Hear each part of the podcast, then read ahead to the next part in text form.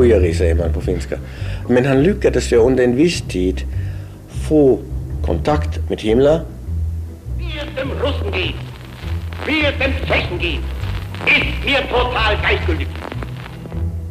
Han betecknar ju sig själv som en äventyrare och det, det var han förstås.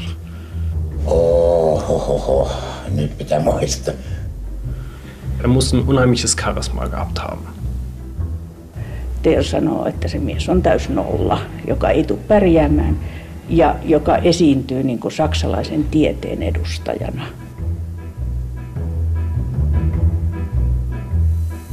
Vem var den finske mannen som blev vän med Heinrich Himmler? Vem var mannen som aldrig tackade nej till ett uppdrag men som ständigt gjorde sin omgivning besviken? Vem var mannen som utpekades som skojare, äventyrare och fantast? Men var charm bet på statsmän och kvinnor. Vem var Yrje von Grönhagen? Du lyssnar till del 1 av Svenska Yles poddserie Yrje von Grönhagen, Den vita fyraren. Mitt namn är Petter Lindberg. Yrje von Grönhagens liv är som ur en äventyrsroman, fast ännu märkligare. Filmstjärna i Paris, äventyrare i Nazityskland, affärsman och mystiker. Mikä on totta, mikä ei, en tiedä. Vad som är sant eller falskt kan man inte veta, säger Yrje von Grönhagen i en intervju från år 1986. Det här är berättelsen om en exceptionell man som under hela sitt liv verkade befinna sig i händelsernas centrum, men oftast som statist, även om han själv gärna hade velat spela huvudrollen.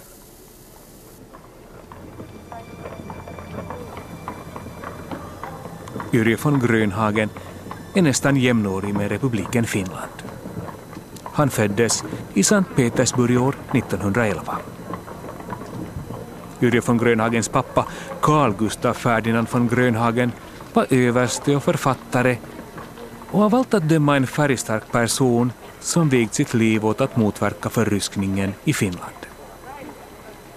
Hans mamma Sina Holtzman dog redan år 1919 när Yrje endast var åtta år gammal. Moderns död och pappans två förvisningar till Sibirien verkar ha framtvingat en flytt till Viborg år 1920. Det finns väldigt knapphändig information om tiden i Viborg.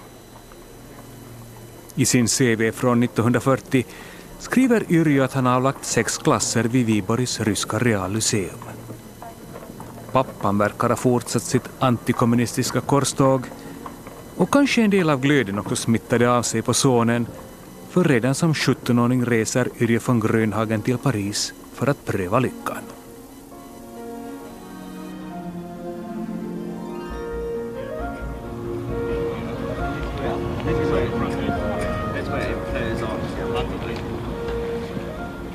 Det moderna lockar den unga mannen från Finland som får anställning på konsulatet och efter några år avancerar till sekreterarens assistent.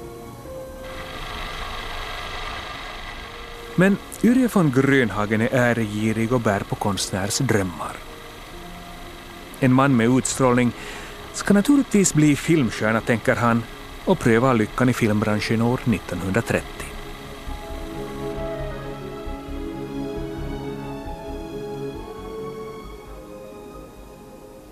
Ich glaube wirklich, er war eher so ein Glückssucher. Also gerade, ähm, das war ja die Zeit, wo das Medium Film Yrjö var en lycksökare som sökte framgång och bekräftelse i den framväxande filmvärlden.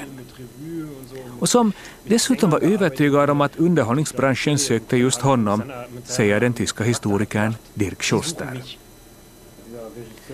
Men trots vilja och visioner blir det inget av filmkarriären och i kulisserna ryktas det om manliga filmregissörer som visat otillbörligt intresse för den unga finska mannen. Also in den Akten von der SS und so finden wir dazu gar nichts. Yrje begraver tillfälligt drömmarna som filmstjärna och ägnar sig istället åt studier. Han avlägger studentexamen vid Sorbonne och intresserar sig allt mer för folklivsforskning. So Autoritäten konnte er überhaupt nicht akzeptieren und das war eigentlich klar, dass er, er konnte sich nie unterordnen. Kanske film och studieframgångarna helt enkelt uteblev på grund av att Yrje von Grönhagen hade svårt att ta order eller att underordna sig auktoriteter, tillägger Dirk Schuster. Istället för att erkänna sina egna tillkortakommanden verkar Yrje von Grönhagen skylla sina misslyckanden på andra.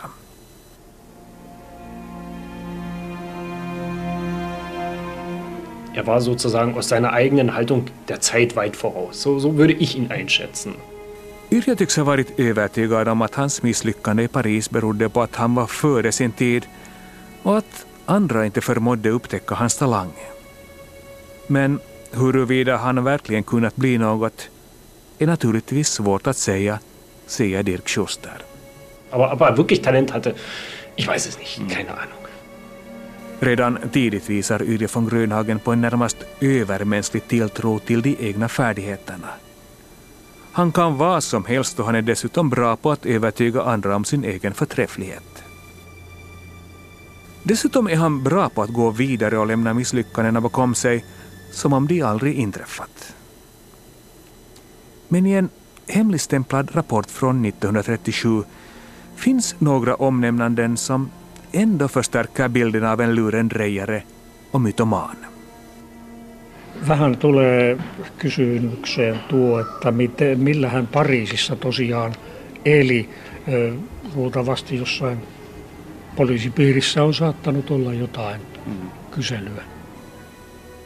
Man undrar naturligtvis över hur Yrjö klarade livhanken i Paris. Det finns omnämnanden om att Yrjö skulle ha livnärt sig som tjuv, skojare och kavaljer åt äldre kvinnor, säger den pensionerade redaktören Jukka Lehesvirta. Ehkä pikku rikollisuudella. Kyllä semmoinen pärjää Pariisissa. Yrje von Grönhagens brottsliga gärningar skulle enligt den här rapporten ha varit den direkta orsaken till att han tvingades lämna Paris år 1935. Inte äventyrslusten och de akademiska ambitionerna som han själv hävdar. Jukka Lehesvirta är en pensionerad redaktör som intresserat sig för Grönhagens liv och leverne.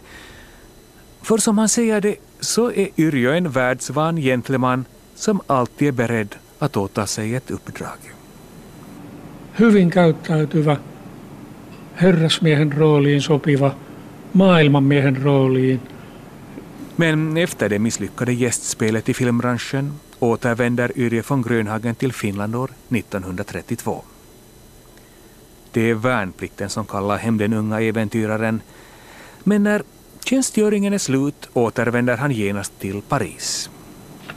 Ja 30-luvun Suomessa varsin erikoinen kaveri, joka puhuu siis jo koulupoikana Saksaa, Ranskaa, Venäjää, Suomeakin varmasti, Ruotsia, oppi englannin koulussa, puhuu myöhemmin tai sanoo ymmärtävänsä Italiaa, Espanjaa, Serbiaa, niin kuin, niin kuin hän ilmoittaa sitten yhdessä kuulusteluvaiheessa. Mm. Eli, eli siis on se outo tapaus. Yrje var på allt sätt en väldigt anpassningsbar typ och redan namnbruket vittnar om att han tog seden dit han kom. I Viborg var han Juri, i Finland Yrje och på kontinenten Georgi och som Jukka Lesvita säger så måste han med sina språkkunskaper ha varit en ganska exceptionell figur på 30-talet.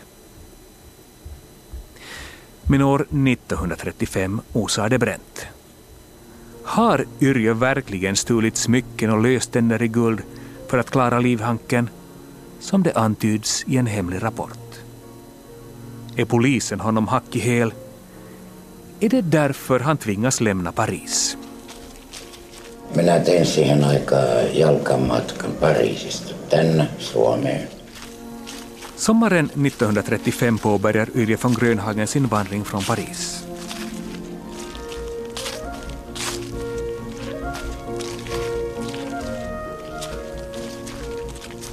Yrje hade inte råd att ta sig fram på annat sätt än till fots, men Knappheten gjorde han till en dygd och skriver i en rapport från fängelset daterat den 9 juli 1946 att han under sin långa vandring hade för avsikt att intervjua vetenskapsmän, arbetare, konstnärer, industrimagnater, bönder och statsmän.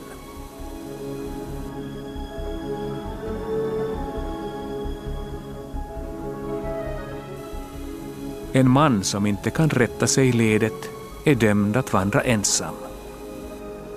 En man som inte kan erkänna en flykt maskerar den istället till en vetenskaplig expedition.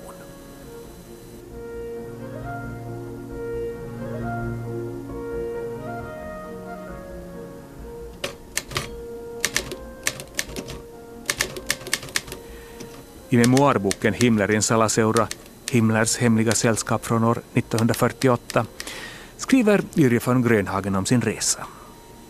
Han har för avsikt att vandra från Paris till Indien, men vännerna avstyr projektet och uppmanar honom istället att promenera till hemlandet Finland. Det låter också som en god idé, i synnerhet som han börjat intressera sig för det andliga arvet i Karelen med shamaner, siare och trollgummor. Etwas überspitzt gesagt, man versuchte im Wald noch das Urfindentum zu finden, dort wo die Industrialisierung, die Zivilisation noch nicht hinkam. Lite tillspetsat kunde man säga att Yrjö sökte sig mot de djupa skogarna dit som industrialiseringen inte nått för att hitta sanning och finskhetens rötter. Det gjorde han iförd tropikhjälm och kakifärgad promenaddräkt, en klädsel som minsann väckte uppseende när han nådde Belgien. Så som jag har förstått det var han, eh, var han ute efter publicitet. Ja. Annars skulle han inte ha gått eh, till fots. Redan tidigt visar Yrje von Grönhagen prov på hur man iscensätter ett uppdrag, säger historikern Malte Gasche. Fotvandringen är ett skickligt PR-trick och i memoarboken skriver Yrje von Grönhagen om det översvallande mottagande som han får överallt i Frankrike, Belgien och Tyskland. Silloin kun minä tein jalkamatkani, niin tämä natsihallitus ei ollut vielä kauan. Se tuli vasta 39-40. Se on aggressiivinen. År 1935 rådde det fortfarande lugn i Tyskland. Och enligt Yrje ledsagades hans fotvandring av ett genuint intresse och en nyfikenhet på det exotiska landet i norr. Folklore oli hyvin suosittu. Kansallispuut, mutta se oli Suomessa myöskin. Sillä oli tällainen kansallishenki, se oli kaikissa, Ranskassa sama.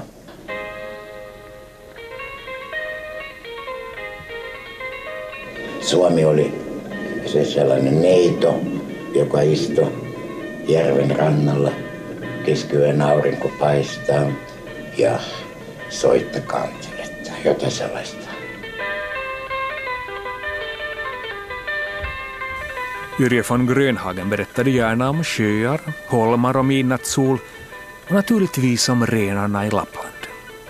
Kun tapasi jonkun saksalaisen ja kuule, ai te olette suomalainen. Ai, teillä on järviä ja saaria ja keskiyön aurinko ja poroja ja no, tällaista exotiikkaa. Men det är inte bara naturmystiken som förenar. Det finns något i det självmedvetna Tyskland som tilltalar många, även i Finland. Finland är nära Tyskland, det är luthersk, plus är är kampen mot äh, kommunism. Det var ju också någonting att vara med i de kretsarna med himla... Finland och Tyskland hade nära relationer på 30-talet, säger historikern Matte Gasche. Men Yrje von Grönhagen var ingalunda den enda att vurma för den tyska kulturen och den framväxande nazistiska ideologin.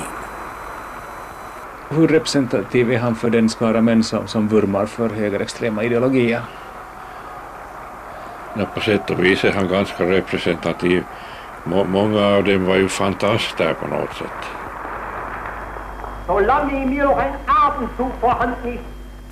Redaktören och författaren Henrik Ekberg har skrivit om den finländska nazismen och i boken Fyrarns trogna följeslagare finns även Yrje von Grönhagen nämnd. de talar naturligtvis flytande tyska av olika anledningar.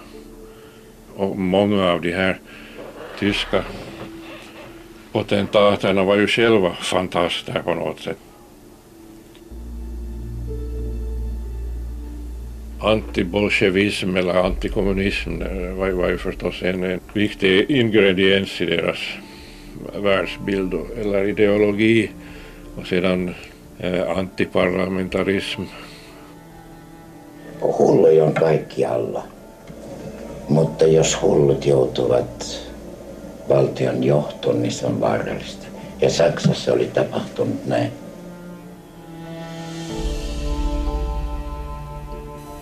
I sina memoarer och i många andra senare texter tar Yrje avstånd från nazisterna. Men samtidigt kan man mellan raderna avläsa den begeistring som Yrje erfar när han kommer till Tyskland. Han känner helt enkelt den ariska samhörigheten mellan finnar och tyskar. Se oli kausi sellainen, että mystikka kiinnosti, mutta ja mystikka johti sitten ikävin seurauksin. Men 1935 är allting ännu frid och fröjd. Yrje lever ett bekymmerslöst liv som vandringsman, knackar på hos det belgiska kungaparet eftersom han fått för sig att den svenskättade drottningen vill tala svenska och blir halvt om halvt adopterad av en tysk bilfabrikör eftersom han finner Yrje vara en så trevlig ung man. Samtidigt drömmer Yrje om att få Hitlers autograf i sin resedagbok eller en skymten av fyren när han glider förbi i sin svarta bil på väg till något möte i München. Wer der Nation aber fein oder charakterlos in den Rücken fällt, wird unter allen Umständen eines schimpflichen Todes sterben. Himmler war der Reichsführer SS und ähm, der wichtigste Mann äh, unter Hitler. Efter Hitler var Himmler Nazitysklands mäktigaste man, säger germanisten Gerd Simon. Han var ledare för SS, grundade det nazistiska institutet Ahnenerbe år 1935 och hade en förkärlek för icke-traditionell vetenskap. Er leitete die SS und ähm, ehm, richtete auch dieses Ahnenerbe 1935 ein und ähm, hatte ein Faible für alle alternativen Wissenschaftler. Himmler ansåg helt enkelt att universitetens intellektuella forskare var världsfrånvända och inte förstod sig ett dyft på politik. Himmler behövde någon som kunde bekräfta hans teorier och göra dem till legitim vetenskap. Han behövde helt enkelt en trollkarl som kunde göra befängda antaganden till en ideologisk sanning och den mannen fann han oväntat i Yrje von Grönhagen. Han betecknar ju sig själv som en äventyrare och det, det var han förstås att, att, att komma gående från Paris till, till, till Berlin uppenbarligen och där då på något sätt nästla sig in hos Himmler så det var ju ett, ett konststycke i sig. Att han, han måste ju nog ha varit en person som förmådde övertyga på något sätt men en del människor är ju beskaffade på det här sättet. Er wusste, mit wem er sprechen musste, er wusste, mit wem er über was sprechen musste, er wusste, wo, an welche Tür er klingeln musste. Also das, da war er einzigartig. Yrje var fenomenal på att övertyga folk, säger Dirk Schuster. Han visste vem han skulle prata med och om vad för att uppnå sina mål. Tänk bara att en outbildad utlänning plötsligt får audiens hos Himmler. Er muss ein unheimliches Charisma gehabt haben. Men hur lyckades Yrje von Grönhagen dupera Himmler i fyra års tid? Och vad gjorde han i Karelen med den tidens dyraste inspelningsutrustning? Det framgår i del två av poddserien Yrje von Grönhagen, den vita fyraren.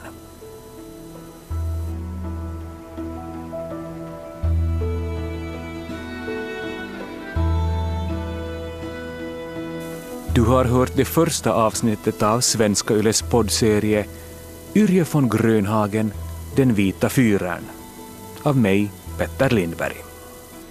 I serien medverkar historikerna Malte Gasche och Dirk Schuster, redaktörerna Henrik Ekberg och Jukka Lehesvirta, professorerna Lisi Huhtala och Ingrid Schellbach-Koppra, germanisten Gert Simon och Yrje von Grönhagen själv i en intervju som gjordes år 1986 av Vilpo Saunio. För ljuddesignen stod Jyrki Häyrinen. Producent var Staffan von Martens.